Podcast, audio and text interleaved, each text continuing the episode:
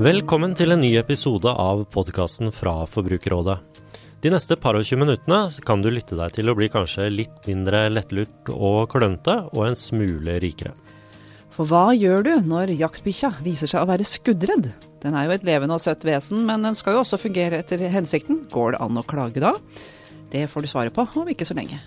Teller du på kronene for å få råd til noe du ønsker deg, får du et tips som gjør deg litt rikere med bare noen få minutters innsats. Lurer du på å bruke fortjenesten på en hybridbil f.eks., bør du lytte til Forbrukerrådets Handyman. Og hvor miljøvennlig er egentlig en hybridbil? Og er du på boligjakt, da bør du ha nerver av stål og mengder av is i magen. For lokkepriser gjør nemlig budrundene til et aldri så lite psykologisk drama. Meglerne lover å bli mer treffsikre, men Forbrukerrådets fagmann tror rett og slett ikke noe på dem. Går du på forbrukerrådet.no podkast, kan du se hvordan du kommer i kontakt med oss, Bjørnar Rangel og Ann Hege Skogli. Heldigvis har Forbrukerrådets Martin Skaug Halsos eh, kommet, for vi har nemlig fått et spørsmål fra en fortvilet jeger. Hun har kjøpt seg en jakthund. Den er helt nydelig, er veldig glad i den og vil beholde den, men det er et problem den er skuddredd. Den trives altså ikke på jakt, og det var tross alt en jaktkamerat hun eh, skulle ha, og som hun betalte for. Nå føler hun seg lurt, og lurer på om dette er noe det går an å klage på, Martin? Ja, eh, det kan man. Dette er jo et sårt tema for folk, at eh, hunden ikke er som den skal, og de er jo glad i bikkja si. Men har du kjøpt en hund som skal tåle å gå på jakt, så kan du faktisk klage etter loven. Ja, for loven den ser på en bikkje som den gjør på en vaskemaskin eller en mobiltelefon, for den saks skyld. Ja, ikke sant. Det høres helt sprøtt ut, og noen blir jo fornærma pga. det, men sånn er det. Og det er jo greit, for da finnes det en måte å løse dette på. Ja, sånn som jegeren vår sier da, så er hun glad i hunden, og hun har lyst til å beholde den. Hvordan, eh, hva kan hun kreve da? I dette tilfellet ville det vært vanlig å løse det med et prisavslag. Vi har mange saker som kommer til Forbrukerrådet som handler om feil med, med bikkja, og vanligst er faktisk at den mangler eh, baller. Kanskje bare én balle. Og de skal gjerne bruke hund til avl, og da er dette en feil som de klager på, som de kan klage på, og prisavslag bruker å være løsningen. Mm. Hvordan er det man skal gå frem hvis eh, du mener at det er eh, noe å klage på på hunden din? Eh, det er jo som eh, ellers, du må snakke med den du har eh, en avtale med. Og, men gjør det skriftlig. Skriv en e-post, det holder. Og fortell hva som har skjedd, og fortell med hvordan du ønsker å løse det. F.eks. be om et prisavslag. Mm.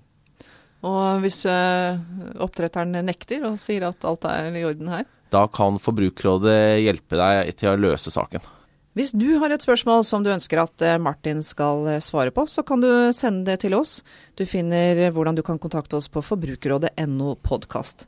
Da kan det nemlig vanke en finfin drikkeflaske fra Forbrukerrådet på deg. Og jegeren, hun eh, fikk ikke jaktkamerat, men i alle fall en drikkeflaske å ha med seg på tur. Voff, voff. Hvis du skal kjøpe bolig, da bør du ha nerver av stål og mengder av is i magen. Og likevel så kan du bli sittende med skjegget i postkassa, for prisene går mange steder hundretusener over prisantydning, og noen ganger er det også snakk om millionbeløp. Thomas Bartholsen, du er fagdirektør for bolig i Forbrukerrådet. Forekommer det i det hele tatt at boliger går til prisantydning i eh, noe særlig bebodde områder? Ja visst skjer det. Det skjer hele tiden. Eh, men det får vi aldri høre om, fordi da ringer ikke eiendomsmegleren opp til eh, journalister og forteller at nå har jeg solgt eh, over prisantydning. Så disse eksemplene får vi forbrukere aldri høre om via media. Men dette omtales jo som lokkepriser fordi folk ja, lokkes til visninger på boliger de egentlig har bestemt seg for at de ikke har råd til. Hvordan virker psykologien i dette? Altså, hvor, I hvilken grad betaler folk mer enn de har planlagt fordi de trodde at prisantydningen var reell? Når det er 40 stykker på visning, og de tråkker opp på hverandre, og ingen egentlig får lov å snakke ordentlig med megler og stille spørsmål, men det etterlater et inntrykk blant boligkjøperne om at dette er utrolig attraktivt. Dette var det virkelig massiv interesse for. Og så er jo vi mennesker sånn. Vi reagerer jo på sånne psykologiske signaler, ikke sant. Mm. Så vi, vi, tenker at dette var attraktivt, her er det mange å mene, dette blir sikkert dyrt. Uh, og, og da, da senkes sperrene våre. hvis, hvis, jeg, hvis, mange gjør det samme, hvis mange andre var villige til å by og syntes dette var bra, så tenker vi at da, da tør vi å by mer. Våre kolleger og venner i Forbrukerombudet de har jo sjekket prisantydning i forhold til eh, salgspris nå i høst, og sier at resultatet av det var helt nedslående. De fant ut at bl.a. at eh, seks av ti meglerforetak solgte 40% av boligene til 20% eller mer over prisantydning. Det er ganske heftig økning. Ja, det er heftig. Og det er egentlig ganske utrolig at eiendomsmeglere eh, er så elendige i faget sitt. At de bommer så grovt. Ja, for det er jo jobben deres å eh, si hva de tror prisen kommer til å bli. Altså, eiendomsmeglerne har eh, i 2015 og 2016 eh, i, en, i en koordinert aksjon fra Eiendomsmeglerforetakenes forening Eiendom Norge presset takstmennene ut av rollen å vurdere markedspris. Og Dermed så har de fått fritt fram. De har fått mye mer makt i bolighandelen, og den har de da brukt til å manipulere eh, prisnivået og lokke forbrukere. Er du ikke litt streng, eh, Thomas? Nei, jeg er veldig, nei her er, jo, men her er Prisen ikke... den settes jo av de som tilfeldigvis kommer på den visningen. Ja, og hva men, de synes. Riktig. Uh, riktig. Og uh, derfor så kan man ikke konkludere med at enhver, ethvert eksempel på at man at, man, uh, at, man, ikke treffer, kan man ikke si er lokkepris. Men uh, Forbrukerombudets undersøkelse etterlater jo ingen tvil. Meglerne, meglerne, gjør en så dårlig jobb at det er ikke troverdig at de gjør en dårlig jobb. Det er troverdig at de manipulerer bevisst. Hva må til for at prisantydning skal nærme seg virkeligheten? Ja, altså Eiendomsmeglerforetakenes ledere toppsjefene i de store meglerforetakene som er avslørt av Forbrukerombudets uh, rapport, uh, må gi beskjed internt i sin organisasjon at uh, våre ansatte får heretter ikke lov lenger til å bryte norsk lov på jobben. hvis de som gjør det, må regne med sanksjoner fra ledelsen. Dersom det skjer, så er vi et langt stykke på vei. Det, er, det er en stor grov unnlatelse fra toppsjefen i meglerforetakene som har latt dette utvikle seg. Til de som har pekt seg ut en bolig som de har tenkt seg å se nærmere på, hva slags råd har du til dem? Altså For å unngå å falle for en lokkepris, så er det viktig at du bygger deg opp en forståelse av prisnivået på boliger der du er interessert. Sånn at du ikke liksom lar deg bli dratt med i en psykologisk styrt uh, budrunde der du ender opp med å betale flere hundre tusen mer enn det folk betaler for andre tilsvarende boliger i samme område. Så sjekk hva boliger faktisk er godt for. Eh, verktøyet eiendomspriser eh, ligger gratis på nett, og der kan du sjekke hva boliger som er markedsført er solgt for. Dersom du går på visning og ser og det bør du gjøre før du, før du kaster deg inn i en budrunde. Gå på visning på lignende boliger. Så uh, sjekk ut hva de faktisk uh, går for når de er solgt. Hva de gikk for. Send en mail, SMS til megleren og spør hva gikk den og den boligen for. på den måten så så, et, så, er du tryggere i din egen vurdering. For du har jo ingen angrerett i Norge når det gjelder, når det gjelder at du har gitt et bud. Og så må du være Et generelt råd vi gir, er start lavt i budrunden. Ikke følg meglernes råd som er fremmet gjennom media om at by alt du har i første bud. Det er fantastisk for meglerbransjen, men hvis du gjør det, så vil du aldri kunne kjøpe en bolig billig. Sånn at vårt råd er start lavt. Start gjerne med et bud som er vesentlig lavere enn prisantydning. Og så er, og så er det viktig at øh, dersom eiendomsmegleren kommer med sånn, et slags sånn uformelt motbud og sier at ja, jeg ser du har budt 2,9, men, men, jeg tror du får den hvis du byr 3,1, mm. så be om å få det som et formelt motbud. Eh, da, øh, hvis ikke så risikerer du at du er i en situasjon der du byr mot deg selv. Der du egentlig hadde det høyeste budet, men megleren bare prata fram at du heva det. Mm. Tusen takk skal du ha, Thomas Bartholsen, som er fagdirektør for bolig i Forbrukerrådet. Vi ønsker all mulig lykke til de som både skal kjøpe og selge i boligmarkedet, og de finner enda flere gode råd på forbrukerrådet.no.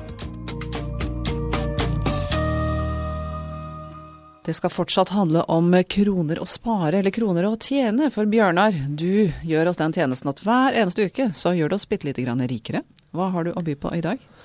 De aller fleste av oss har boliglån, og på Forbrukerrådets tjeneste finansportalen.no så kan du enkelt skaffe deg oversikt over de billigste lånene. Men visste du at vi også hjelper deg med å prute på boliglånet? Trodde det var noe man gjorde på markedet i Spania, ja? Nei, nei. Altså Mange tenker nok at det er mye styr med å bytte bank, men her er det også veldig mye penger å tjene på å være en bevisst forbruker. Et enkelt søk på Finansportalen ga meg følgende innsikt. Om du har et boliglån på 2,5 million, kan det faktisk være at du betaler opptil 1500 kroner for mye i måneden, og det er 18 000 pene blanke kroner i året. Det er mye penger. Da kan du faktisk reise til Spania og det markedet? Det kan du fort gjøre.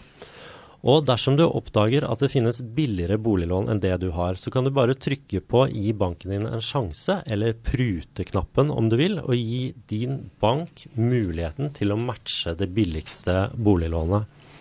Eh, det siste året har allerede 1600 årvåkne forbrukere gjort nettopp dette. Enklere blir det ikke, så sett i gang og prut på banken din.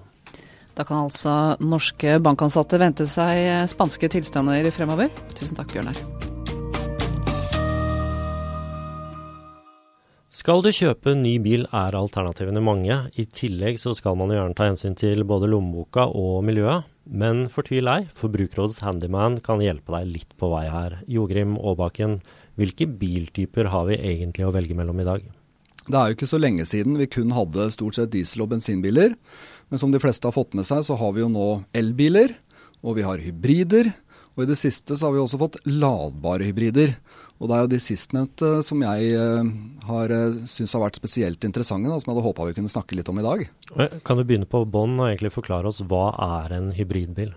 Ja, En hybridbil det er rett og slett i utgangspunktet så er det det samme som en bensin- eller dieselbil.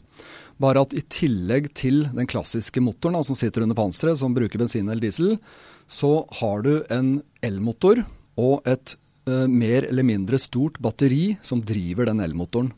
Og Det betyr at en hybridbil den kan kjøre på ren strøm i situasjoner hvor det egner seg, f.eks. ved saktegående køkjøring. Og De mest moderne utgavene kan faktisk kjøre på ren batteridrift, også på motorvei og høye hastigheter.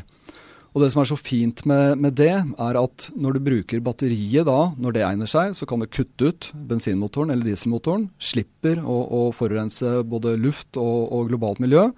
Og så I tillegg så lader du opp batteriene når du triller og kjører nedoverbakker og sånt. Og Vi som kjører med vanlige biler, vi driver da og bremser. Hvis du er flink, så bremser du på girene, men mange av oss trykker bare på bremsepedalen.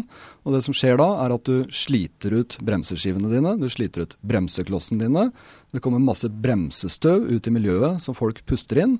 Mens i en hybridbil så går isteden den energien tilbake til batteriene dine. Men du, Jogrim, jeg må innrømme at når det er snakk om hybridbil, så tenker jeg på Hollywood-stjerner og Toyota Prius, for de var i mange år opptatt av å vise hvor miljøvennlige de var. Men eh, er verden kanskje kommet et stykke lenger når det gjelder hybridbil? Altså, eller rekker de lengre? Ja, altså, øh, Som du jo øh, åpenbart har fått med deg, det var jo Toyota som starta denne hybridbilgreia som vi er inne i nå, med sin Prius for jeg husker ikke, det er kanskje 15 år siden nå. Ehm, men så, de siste par-tre årene, så har det kommet da en ny type hybrider som vi kaller for ladbare hybrider. Og det som skiller de fra Prius, det er det at de har mye større batterier.